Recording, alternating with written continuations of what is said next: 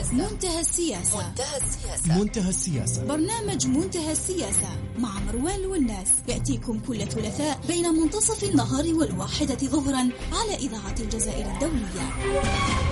منتهى السياسة.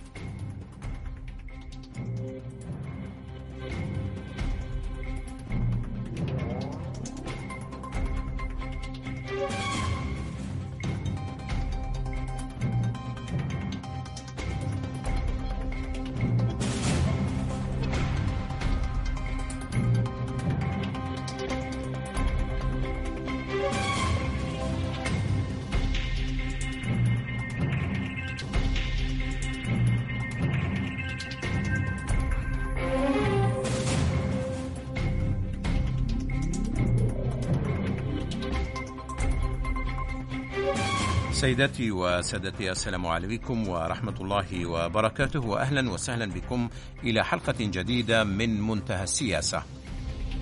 مظاهرات دامية في العراق قتلى وجرحى وعنف شديد والسبب احتجاجات شعبية غير مسبوقة ضد ظروف المعيشة الصعبة جدا وتفشي الفساد في العراق. في هذه الحلقة من منتهى السياسة سنفتح ملف انتفاضة الشعب في العراق عن أسبابها ودوافعها وأهدافها وما حقيقة دور الميليشيات المدعومة من إيران في إثارة العنف وإطلاق النار على المتظاهرين. ولمناقشة هذا الموضوع أسعد باستضافة كل من الدكتور رضوان بوهيد الأستاذ العلوم السياسية بالمدرسة العليا للعلوم السياسية. ودكتور نور الدين بكيس محلل البرنامج وأستاذ علم الاجتماع السياسي بجامعة الجزائر. ومعنا الدكتور محمد الأمين مقراوي الأستاذ الجامعي والمحلل السياسي من العاصمة الأوكرانية كييف. فمرحبا بكم مستمعينا الكرام إلى هذه الحلقة من منتهى السياسة. دكتور رضوان بوهيدل يعني أعود إليك. يعني نفس السؤال تقريبا. انتفاضة واحتجاجات شعبية مفاجئة في العراق غير متوقعة. الكثيرون لا يعرفون حتى الجهات التي دعت إليها. هل هي جهات حزبية أم ميليشيات أم قوى محلية أم قوى خارجية تسعى إلى العبث بأمن العراق كما يقول البعض. برأيك هل هي احتجاجات عفوية بالفعل؟ لا يقف وراءها أي أحد. لا طبعا ما يحدث اليوم في العراق يعني منذ بداية شهر أكتوبر هو صحيح. مخالف لما حدث يعني يعني على الأقل منذ 2003 تاريخ احتلال الأمريكي إن صح التعبير والبريطاني أيضا لهذه الدولة. يعني كانت هناك عدة احتجاجات شعبية لكن مسيرة. يمكن القول أنها كانت احتجاجات بالوكالة ضد جهات معينة. يعني من وراء هذه الاحتجاجات وإلى من مواجهه هذه المرة ربما مختلفة لأنه المعطيات الموجودة انه الحكومة يعني تقريبا عام منذ تنصيبها الحكومة الأخيرة العراقية لم تستطع أن تقوم بتسيير الملفات ان صح التعبير تسميتها السوسيو اقتصاديه وهي المتعلقة بالمواطن العراقي بالدرجة الأولى لذلك يمكن وصفها فعلا هذه المرة.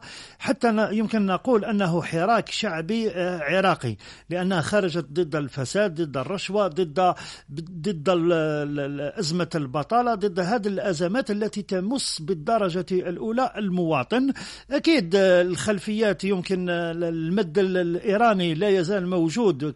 مثل ما كان في السابق هو اليوم موجود. يريد الاستثمار في كل صغيرة وكبيرة في العراق لكن أعتقد انه هذه المرة تبدو مختلفة عن المرات السابقة لذلك يمكن وصفها بالاحتجاجات الشعبية العفوية. طيب هذه ملاحظة مهمة. أنا أريد أن أسمع رأي الدكتور محمد أمين مقراوي المحلل السياسي الموجود معنا من كييف من العاصمة الأوكرانية. دكتور محمد أتمنى أن يبقى الخط سليما حتى نسمع الإجابة.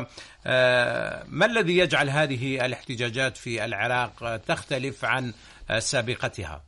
مرحبا بكم. إن شاء الله يكون الصوت واضح. بالنسبة نعم إلى ما يحدث في العراق في الحقيقة هو كان منتظرا لأسباب كثيرة. أسباب تراكمت منذ نهاية ما سمي بالحرب الطائفية التي شهدتها سنتي 2006 و2007 بعدها شهدنا في سنة 2013 انتفاضة ما تسمى انتفاضة السنة.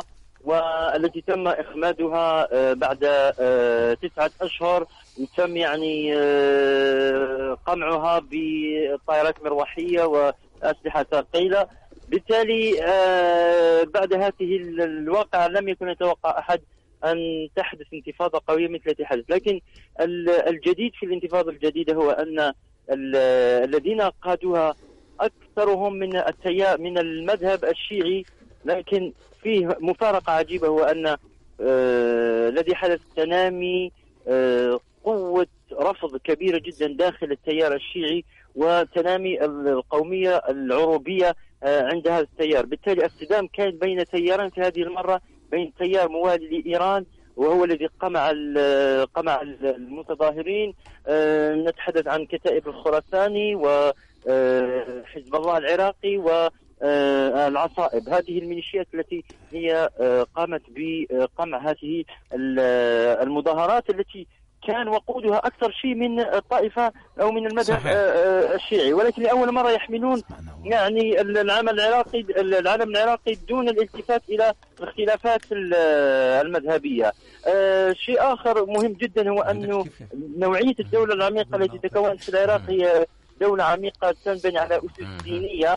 وموالية أيضا للدولة الإيرانية. صحيح. وبالتالي هذا آه، هذه النقطة تلعب دور كبير جدا في تحديد مستقبل المظاهرات في العراق لأنه وقودها وقوتها ونواتها الآن هي من أبناء المذهب آه، الشيعي. بالنسبة إلى طريقة القمع البارحة تحدث الرئيس العراقي آه، برهان صالح على أن الدولة لم تصدر أي قرار إنما الذي قام بالقمع هو آه، جهات آه، غير معروفة سماها بجهات إجرامية.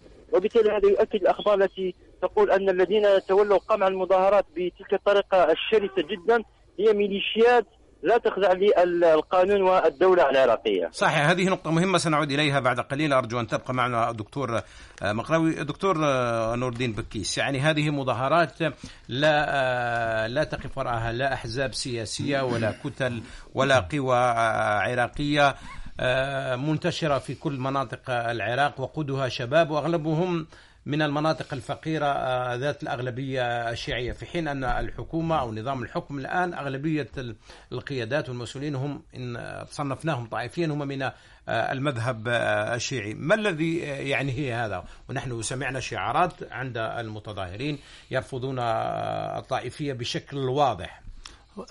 أستاذ مروان أعتقد أنه الشعار الأساسي في هذه المظاهرات هو مكافحه الفساد هو الدعوة لتقليل لمحاربة الفساد على أساس أنه الفساد ضيع حقوق العراقيين خاصة بعد القضاء نسبيا على داعش لأنه الكثير من المناطق الجنوبية والمناطق التي تحسب على الشيعة كانت كانت منغمسة ومنخرطة بشكل كبير جدا في الميليشيات وحتى مع الجيش العراقي لمكافحة داعش. الآن بعد استتباب نسبي للأمن أصبح العراقيون يطالبون بتحسين الخدمات بأداء متميز نسبيا لكن في العراق لا يمكن أن نفصل بين السياسي وبين العسكري على أساس أنه ليست هناك قطيعة حقيقية والأخطر من ذلك أن النظام المتبع في العراق لا يسمح بتحقيق خدمات حقيقية من منطلق ماذا؟ أن نظام المحاصصة الذي اعتمد في العراق أصبح يفرض على كل فئة أن تخدم أن تخدم من ينتخبها وليست عملية انتخابية بالمعنى الذي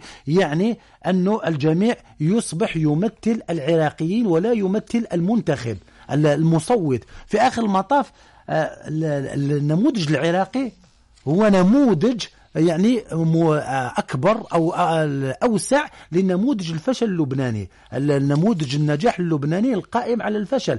ولحد الآن رأينا حتى لحد اليوم وزير التربية لم يعين إلى حد الآن في الحكومة على أساس أنه حدث هناك تجاذبات وعلى مر عشرات السنين العراقيون تعلموا أن يصطفوا وفق اصطفافات معينة ثم يتنازعوا ما هو موجود من مصالح ومن أموال وفقا للطائفة وليس وفقا لمصلحة العراق. لذلك المشهد السياسي معقد تعقد بشكل كبير جدا في العراق ولا يستطيع وأصبح الفساد جزء من منظومة العراق الذي يحتاجها للتنظيم لأنه كل طرف يستطيع أن يتمكن من خدمة طائفته من خدمة من انتخب عليه يصبح يعني هذا هو دوره الأساسي خاصة وأنه نحن لا نتكلم عن كتل واحدة وإنما كتل مجزأة. عندما تحدثت عن تيار شيعي التيار الشيعي مجزأ تجزيئا واسعا جدا. نفس الشيء بالنسبة للتيار السني أو الكردي وحدثت يعني اصطدامات وحدثت اختلافات لكن هذه المرة المرة الأولى التي آه، نشهد حراكا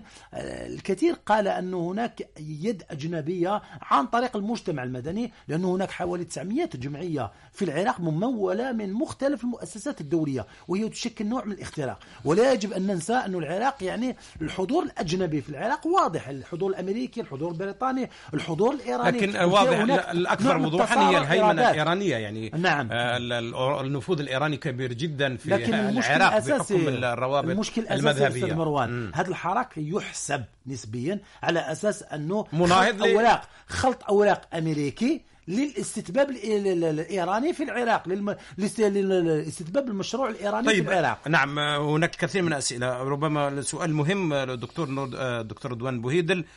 يعني طريقة تعاطي الحكومة أو السلطات العراقية بعنف شديد من الساعة الأولى مع هذه المظاهرات التي آه، بعض ما هتافاتها وشعاراتها تطالب بمحاربة الفساد. هناك البعض وصل إلى حد المطالبة بإسقاط آه، آه، النظام كما سمعنا. يعني طريقة تعاطي الحكومة العنيف جدا مع مع المتظاهرين وسقوط قتلى في بضعة أيام في حين تنفي في نفس الوقت أن تكون هي من أطلقت النار على المتظاهرين. برأيك كيف تقرأ هذا الوضع؟ هل فعلا أن الحكومة العراقية صادقة بأنها لا تسيطر على الوضع الأمني بشكل كامل؟ لا هو هو فشل الحكومة ليس فقط أمنيا ولكن أيضا اجتماعيا واقتصاديا مما أدى أصلا إلى ظهور هذا الحشد وخروجه إلى الشارع في شكل يعني مظاهرات ومطالب ربما لم تكن منتظرة. يعني ما ما تعودنا عليه في العراق هو عبارة عن مطالب مذهبية أو مطالب طائفية. هذا ضد هذا.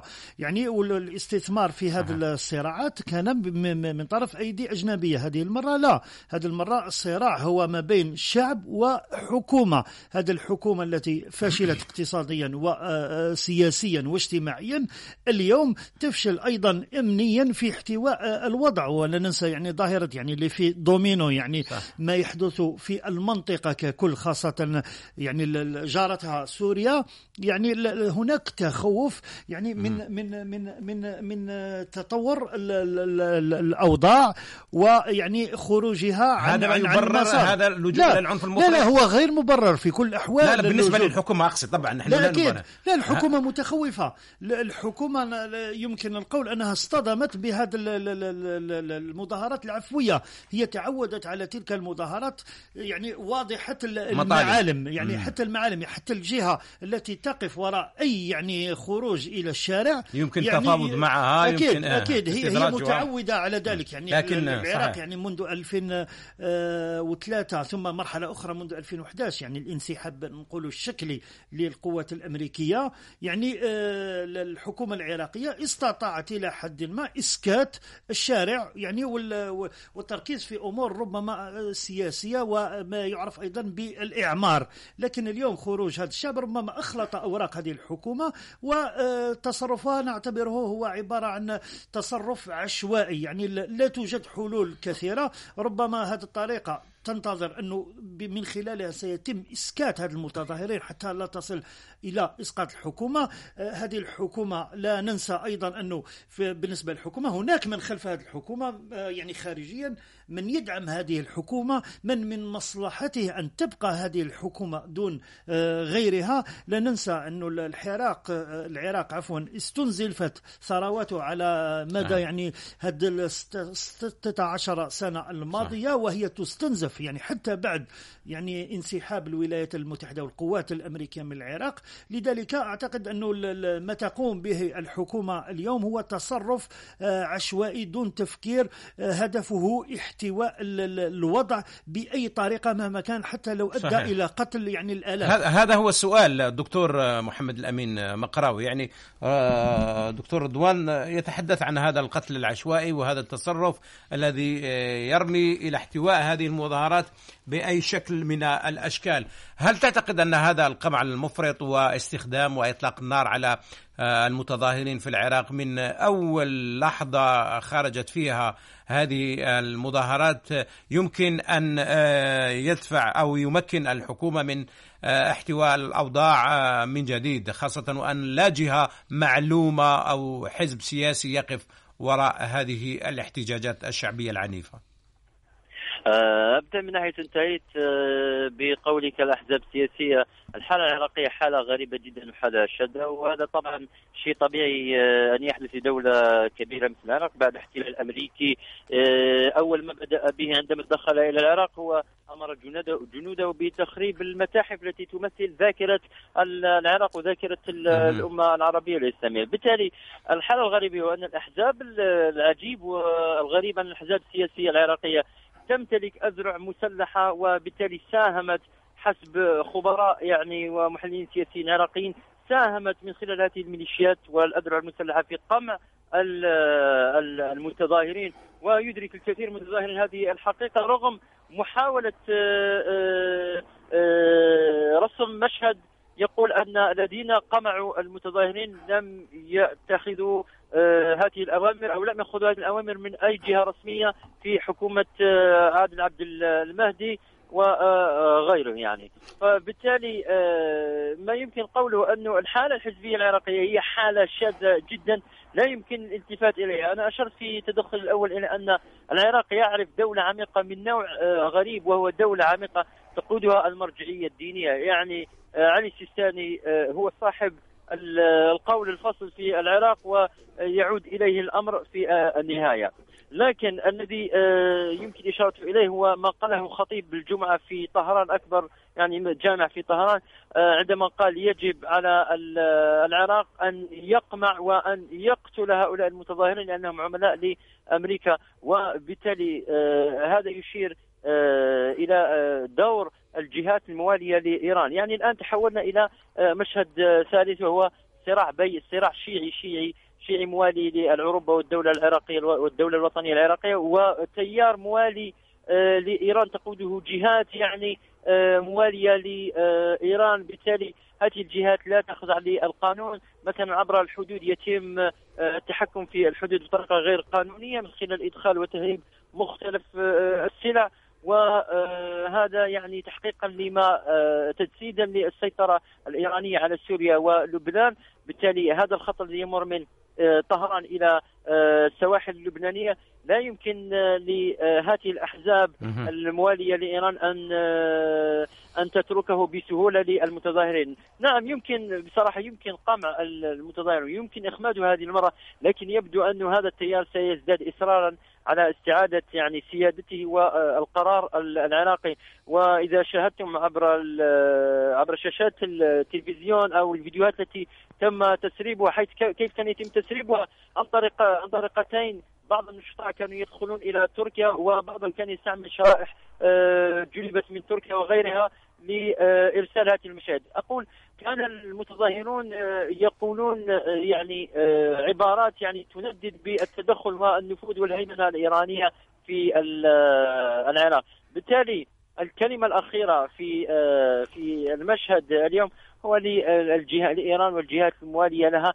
وأقصد خاصة الأحزاب العراقية التي مرجعيتها دينية مثل حزب الدعوة العراقي واحد من أكبر الأحزاب العراقية ويملك ميليشيات آه، كبيرة. هنا أشير إلى نقطة مهمة جدا هو أن آه، التيار الصدري لم يستطع فعل شيء رغم أن مدينة الصدر التي كانت تسمى سابقا مدينة الثورة آه، كل اغلب أغلب سكانها أو كلهم شيعة لم يستطع هذا التيار أن يفعل أي شيء هذا يدل على أن التخوف من الغضب الإيراني كان كبيرا جدا داخل هذه الأحزاب التي لم تستطع أن تنتصر للفئات التي تتبعها.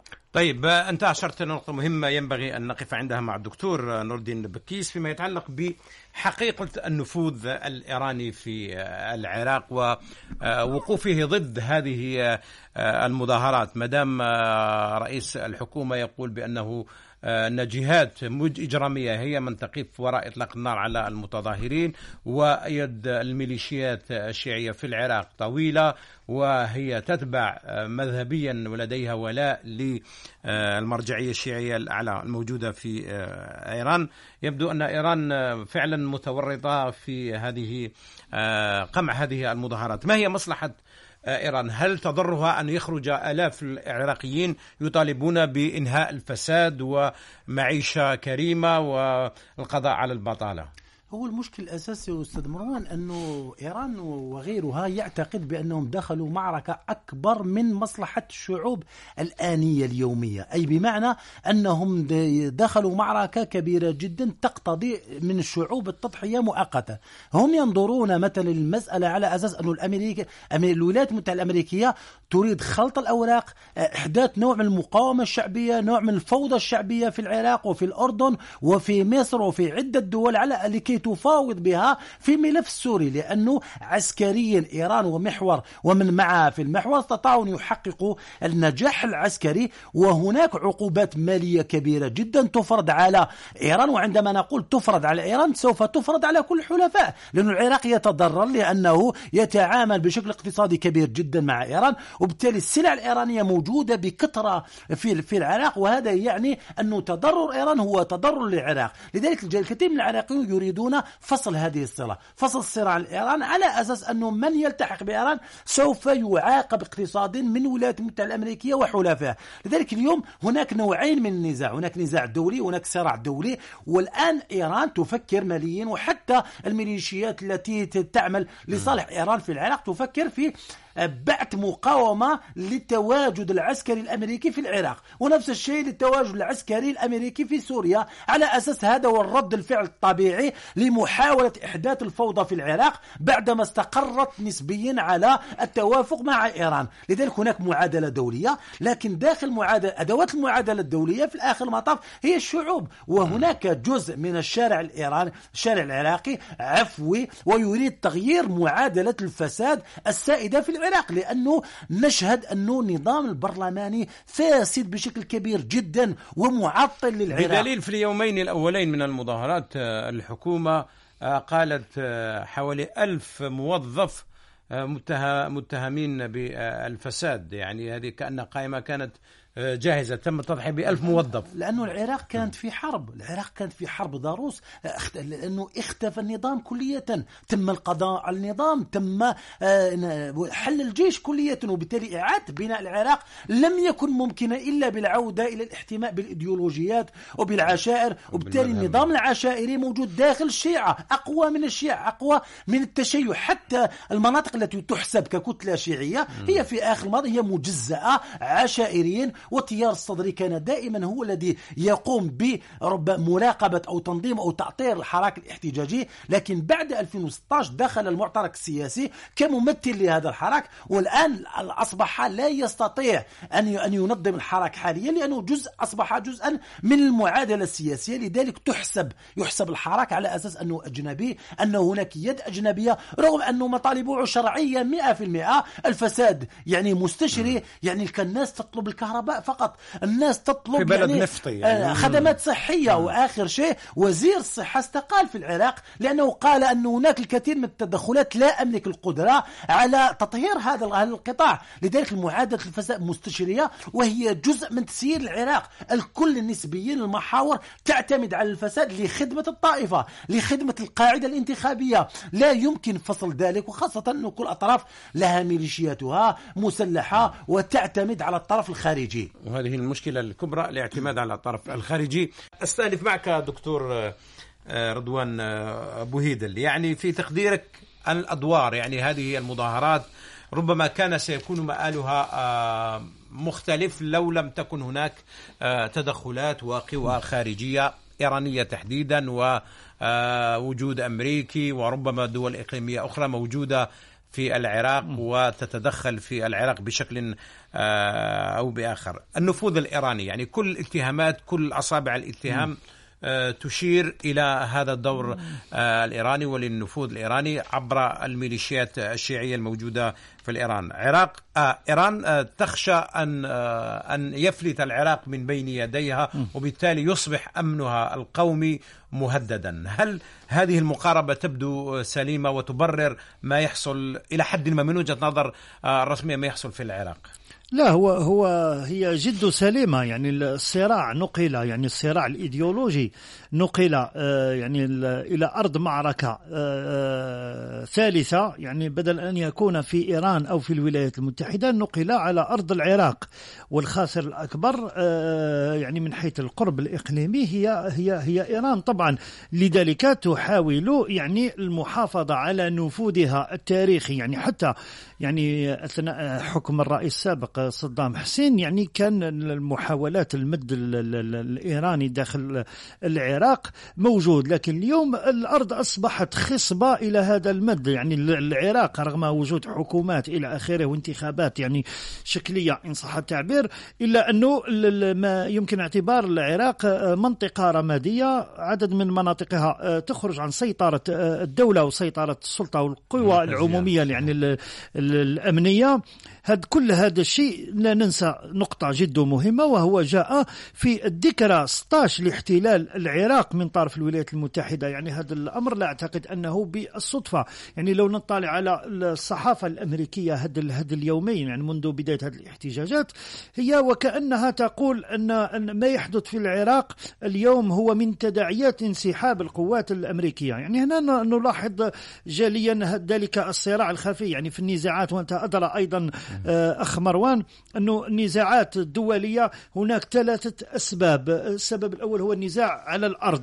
السبب الثاني هو النزاع على المورد أو الموارد. يعني باختلافها والسبب السبب الثالث هو النزاع الإيديولوجي. وفي العراق مع الأسف آه، لإخواننا العراقيين اجتمعت كل الأسباب يعني لوجود هذا النزاع. لذلك يعني كما قال الدكتور بكيس الأمر جد معقد في العراق. يعني منذ مدة ما زاده أيضا منذ 2014 لا ننسى ما حدث منذ 2014 يعني تحديدا جواء 2014 وهو دخول فاعل جديد وهو داعش تنظيم الدولة الإسلامية كقوة محركة للأحداث في آه، في العراق. اليوم داعش ربما آه، يقال أنه في طريق الزوال لكن الخلايا النائمة ومن تبقى من هذا التنظيم الإرهابي اليوم يحاول استرجاع أنفاسه واستغلال هذه الفرص. يعني اليوم لما يخرج حشد الشعب إلى الشارع وردة فعل تكون بتلك القوة والعشوائية بالقتل داعش سيستثمر وربما هو أيضا طرف من من أطراف هذا النزاع اليوم لأنه ما يحدث اليوم لما يتحدث عن القتلى هو نزاع ما بين السلطة والشعب فيه قوى داعش بإمكانها حتى التحالف يعني كتنظيم التحالف ربما مع قوى أخرى لإسقاط أولا هذه الحكومة وإعادة العراق على الأقل إلى عشر سنوات آه، إلى الوراء آه، إلى الوراء. أين كان داعش يعني صاحب كلمة في عدد من المناطق يعني بالعراق. لذلك أعتقد أنه لعبة التحالفات موجودة اليوم في العلاقات الدولية عموما وحول هذه المنطقة بشكل خاص لا ننسى ثروات النفط العراقي الذي استنزف يعني ما حدث خلال منذ 2003 إلى يومنا هذا من استنزاف أيضا للحضارة العراقية المتاحف التي دمرت. يعني أمور كثيرة يعني كاين حتى بعض المعابد تعود إلى 6000 سنة. يعني قبل الميلاد يعني اليوم دمرت بفعل هذه التحالفات العشوائية داعش الولايات المتحدة إيران. أنا نعتبره تحالف هو صراع. هو صراع بينهم لكنه تحالف على إسقاط صحيح. العراق التي كانت يعني مم. نسبة الأمية لا تتجاوز الواحد في المئة. اليوم يعني وصلت إلى 23% نسبة الأمية في العراق. يعني في بضع, في بضع سنوات. هو صراع, صراع ضد الحضارة أولا. هذا هذا المنطقة التي يعني كانت نحن أولى مناطق صحيح. يعني نحن بلاد ما بين ما بين نهرين ظهرت الكتابة والقوانين وبابل بتاريخها يعني هو صراع لإسقاط حضارة أكثر منه صراع يعني فصل حول جديد. أمور ربما هي جزئيات اليوم. طيب نسمع رأي الدكتور محمد لامين مقراوي من كييف.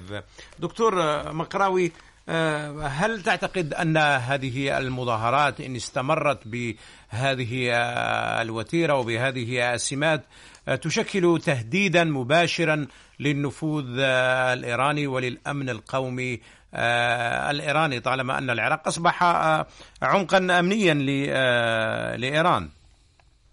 آه نعم هناك بعض الحقائق يجب ذكرها هو في الأول أن الصراع العراقي الإيراني صراع قديم جدا وأول حضارة أنشأ العراقيون في بابل دمرها الفرس. بالتالي لا يزال هذا الصراع يعني مستمرا. في سنة 1979 عندما عاد الخميني إلى إيران من فرنسا أرسل إليه إليه الرئيس العراقي السابق صدام حسين رسالة يشجعه فيها على التعاون مع العراق. وفي ذلك الوقت كان الاقتصاد العراقي واحد من أقوى اقتصاديات الشرق الأوسط حيث كان واحد دولار أمريكي يساوي دينار عراقي. لكن الرد كان آه، آه، تهديدا مبطنا وتبعه بعد ذلك قيام الحرب. إذا هناك صراع تاريخي رهيب جدا بين العراق وجيرانه وأقصد هنا آه، إيران. الأمر الآخر.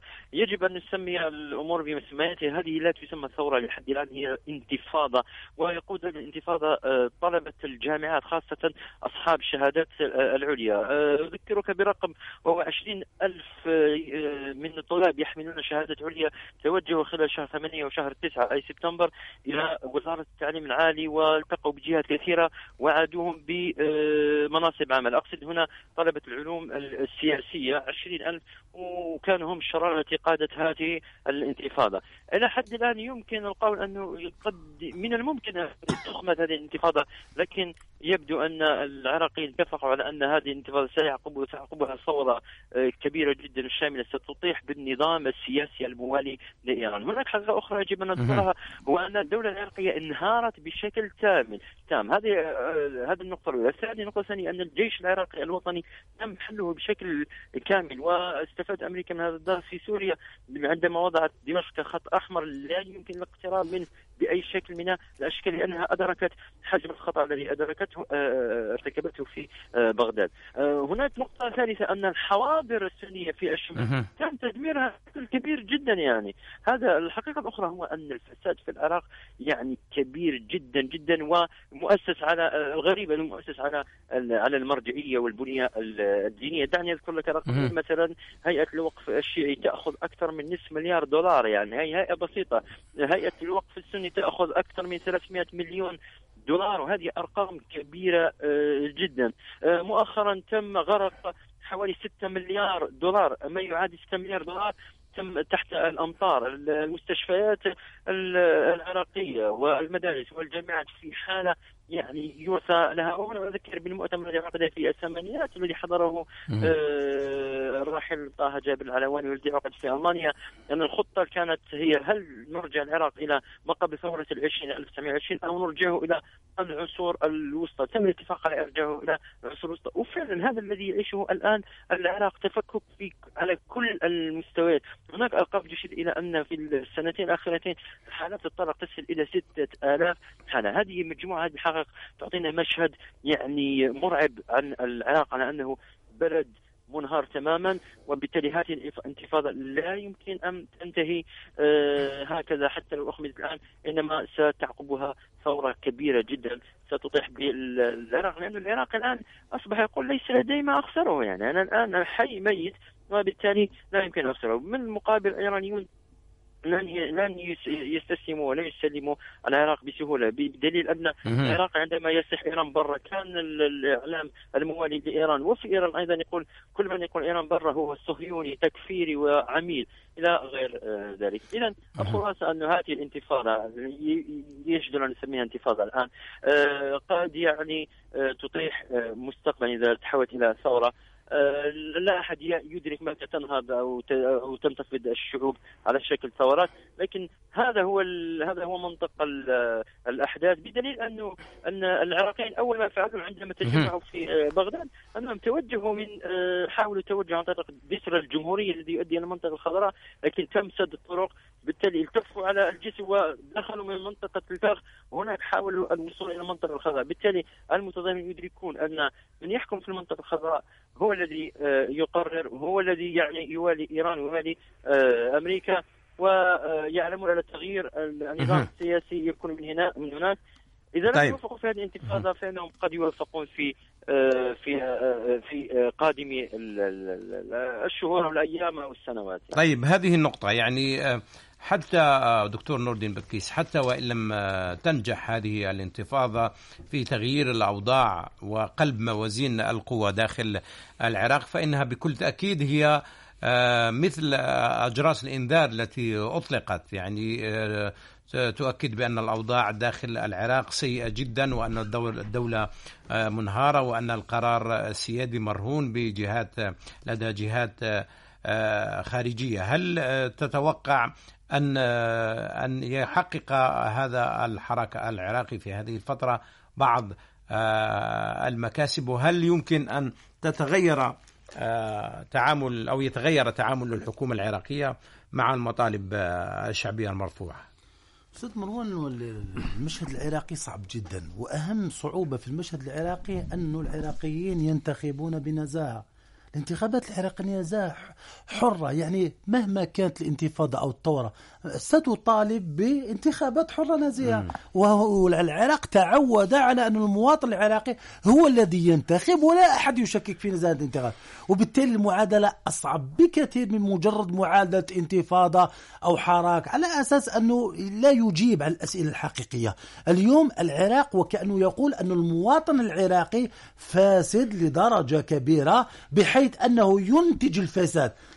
أنه شريك في الفساد ويعيد إيصال نفس النخب التي يشتكي منها يعاد انتخابها في انتخابات حرة نزيهة وهذا مشكل كبير جدا. النقطة الثانية أستاذ مروان أنه نموذج الجذاب الجديد الخطير جدا هو النموذج السوداني. على أساس اليوم كل الحديث يطرح على أساس وكأنه محاولة استنساخ للنموذج السوداني والنموذج السوداني هناك من ينظر إليه. أطراف كثيرة على أن النموذج هو تأكيد للتدخل الأجنبي هو استقراء هو هو تأسيس لشرعية التدخل الأجنبي في حين أن الكثير وكأنه ينظر إليه على أساس أنه يمكن أن يكون حل في إطار مراحل ربما انتقالية. لذلك المعادلة العراقية وأن وكأنها تقول المواطن الجزائري المواطن العربي لا يكفي الانتخاب على أساس أن الانتخاب في العراق لم يحل المشكل. وأصبح النواب يجدون يتلددوا في التعطيل.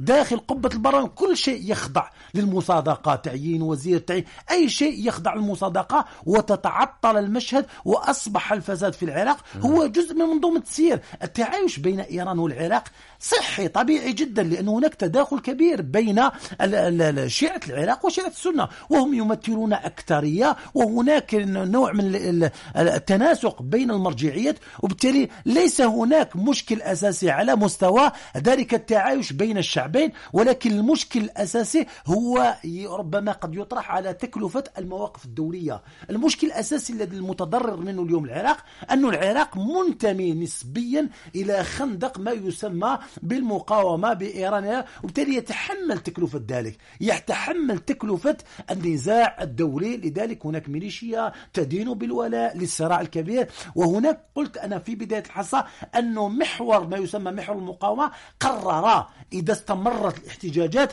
أن ينتج مقاومات تتهدد التواجد الأمريكي في المنطقة الخضراء والتواجد الأمريكي في سوريا كورقة ضغط للتسويات المستقبلية. هل هذا يعني أن أن هذا الحرك الشعبي دكتور رضوان آه، بوهيد يلقى دعما أجنبيا من باب أنه آه، مناهضة آه، إيران ونفوذ إيران. يعني اوتوماتيكيا هناك قوى اقليميه ودولية تدعم هذه الانتفاضة الشعبية في العراق على الأقل لإضعاف الموقف الإيراني. لا أكيد الصراع كما قلنا هو صراع أيضا إيديولوجي صراع إيديولوجي داخل آه، العراق. العراق اليوم ما يعرف أيضا بالصحوه آه، الصحوه أيضا تلك الجماعات التي السنية التي تبحث في الآليات والميكانيزمات لإيجاد الحلول الطائفية. اليوم فشلت. المناطق السنية لم تتحرك اطلاقا يعني. لا لا. لا في هذه المرة لا أكيد لا, لا اليوم الشيعة مسيطرين ويعني وتحدثنا يعني منذ البداية قلنا أنه الشيعة اليوم أصبحت في حد ذاتها عبارة عن عن عن طوائف مختلفة متصارعة يعني منهم من ربما مع هذه الحكومة منهم من سيقف أكيد مع هذا الحراك. لكن إيران من الواضح أنها خلف آه، هذه الحكومة حكومة المهدي أو آه، يعني حكومة التي يعني عندها فقط سنة واحدة. يعني أكيد إيران يجب أن تدعم هذه الحكومة. الولايات المتحدة أكيد أعتقد أنها ستكون مع هذا الحراك الشعبي مع هذا الفوضى إن صح التعبير. لأنه الولايات المتحدة ترى في انسحابها أنه خطر على العراق وأن العراق غير كفيل بتسيير أموره. يعني منذ 2011 إلى غاية اليوم والدليل على ذلك انسحاب الولايات المتحدة ظهور خليفة للولايات المتحدة في العراق وهو داعش. يعني واصل نفس ما كانت تقوم به الولايات آه، المتحدة. يعني آه، أمريكا آه، إيران اليوم صراعهم على العراق ليس فقط على النفط أو على الأرض أو على التواجد لكن أيضا هو صراع إيديولوجي. يعني من سيبقى في العراق ومن سيحكم العراق. يعني استغلال حالة الفوضى الكبيرة حالة انهيار الدولة كما تفضل الأستاذ يعني من كييف. أيضا آه، الدولة انتقلت من المفهوم الدولة الفاشلة حتى إلى الدولة الفاشلة وربما يمكن القول الدولة الرخوة اليوم الدولة الرخوة المنظومة الاجتماعية آه، غائبة تماما اقتصاديا حتى سياسيا حتى أيوه. سياسيا. يعني كما تفضل الأستاذ قال انتخابات شفافة لكن شفافة بمن؟ يعني هؤلاء النواب وهذه الحكومة اليوم. من من تكون. أعتقد أنه المشكل هو في طيب. إدارة التعددية الطائفية والتعددية الإثنية داخل العراق بدلا من البحث عن التكامل والتنمية. آه، يعني وصلوا إلى النزاع والنموذج آه، السوداني. لو عدنا إلى 2011 أيضا هذا طيب. فشل في, في إدارة نعم. فقط لو سمحت ثانية. لم يبقى الكثير. الفشل في إدارة التعددية الإثنية أدى إلى تقسيم السودان. صحيح إلى يعني شمال وجنوب. إذا تواصل الأمر في العراق أكيد ستكون نفس المآلات. طيب لنسمع في دقيقة أو أقل دكتور محمد أمين مقراوي كيف ترى مآلات آه، الانتفاضة في العراق من وجهة نظرك؟ إلى أي مدى يمكن أن تصمد وتحقق بعض المكاسب؟ آه، بصراحة آه، لا, لا يمكن أن تصمد لمدة طويلة لأنه القمع بصراحة رهيب جدا القمع بالدبابات حتى بال RPG وبالرصاص الحي وبغير آه، ذلك لكن الذي كسبه العراقي الآن هو عودة الروح القومية والروح الوطنية صحيح. ضد ضد التدخل الأجنبي هذا هو طيب. هذا هو نعم. الذي سيغير العراق يعني. شكرا جزيلا لك دكتور محمد الأمين مقروي المحلل السياسي كنت معنا من كييف من أوكرانيا واخر سؤال آه، نفسه تقريبا دكتور نور الدين بكيس يعني كيف تتوقع مآل هذه الانتفاضة الشعبية في العراق؟ أعتقد أنه لن يكون لها مستقبل كبير جدا على أساس أنه سوف تكون هناك نوع من الإصلاحات لمكافحة نسبيا الفساد طالما أنه المنظومة يعني مجرد مهدئات قد تعيد إنتاج نفس الاحتجاجات بعد سنوات هو أو بعد فترة هو الخطر الأساسي هو توظيف التحالف الخارجي أثقل على العراق وأثقل تكلفة على العراق من المعادلات الداخلية لأنه العراق لم يستطع التخلص لحد الآن طبيعي جدا لأنه مر بمرحلة حرب طويلة طيب. جدا لا يستطيع حاليا أن يتخلص من الامتدادات الأجنبية. طيب دكتور رضوان بوهيدل كيف ترى مآل الانتفاضة في العراق؟ لا هي هي يعني دعنا نقول بين مزدوجتين بداية القصيدة كفر يعني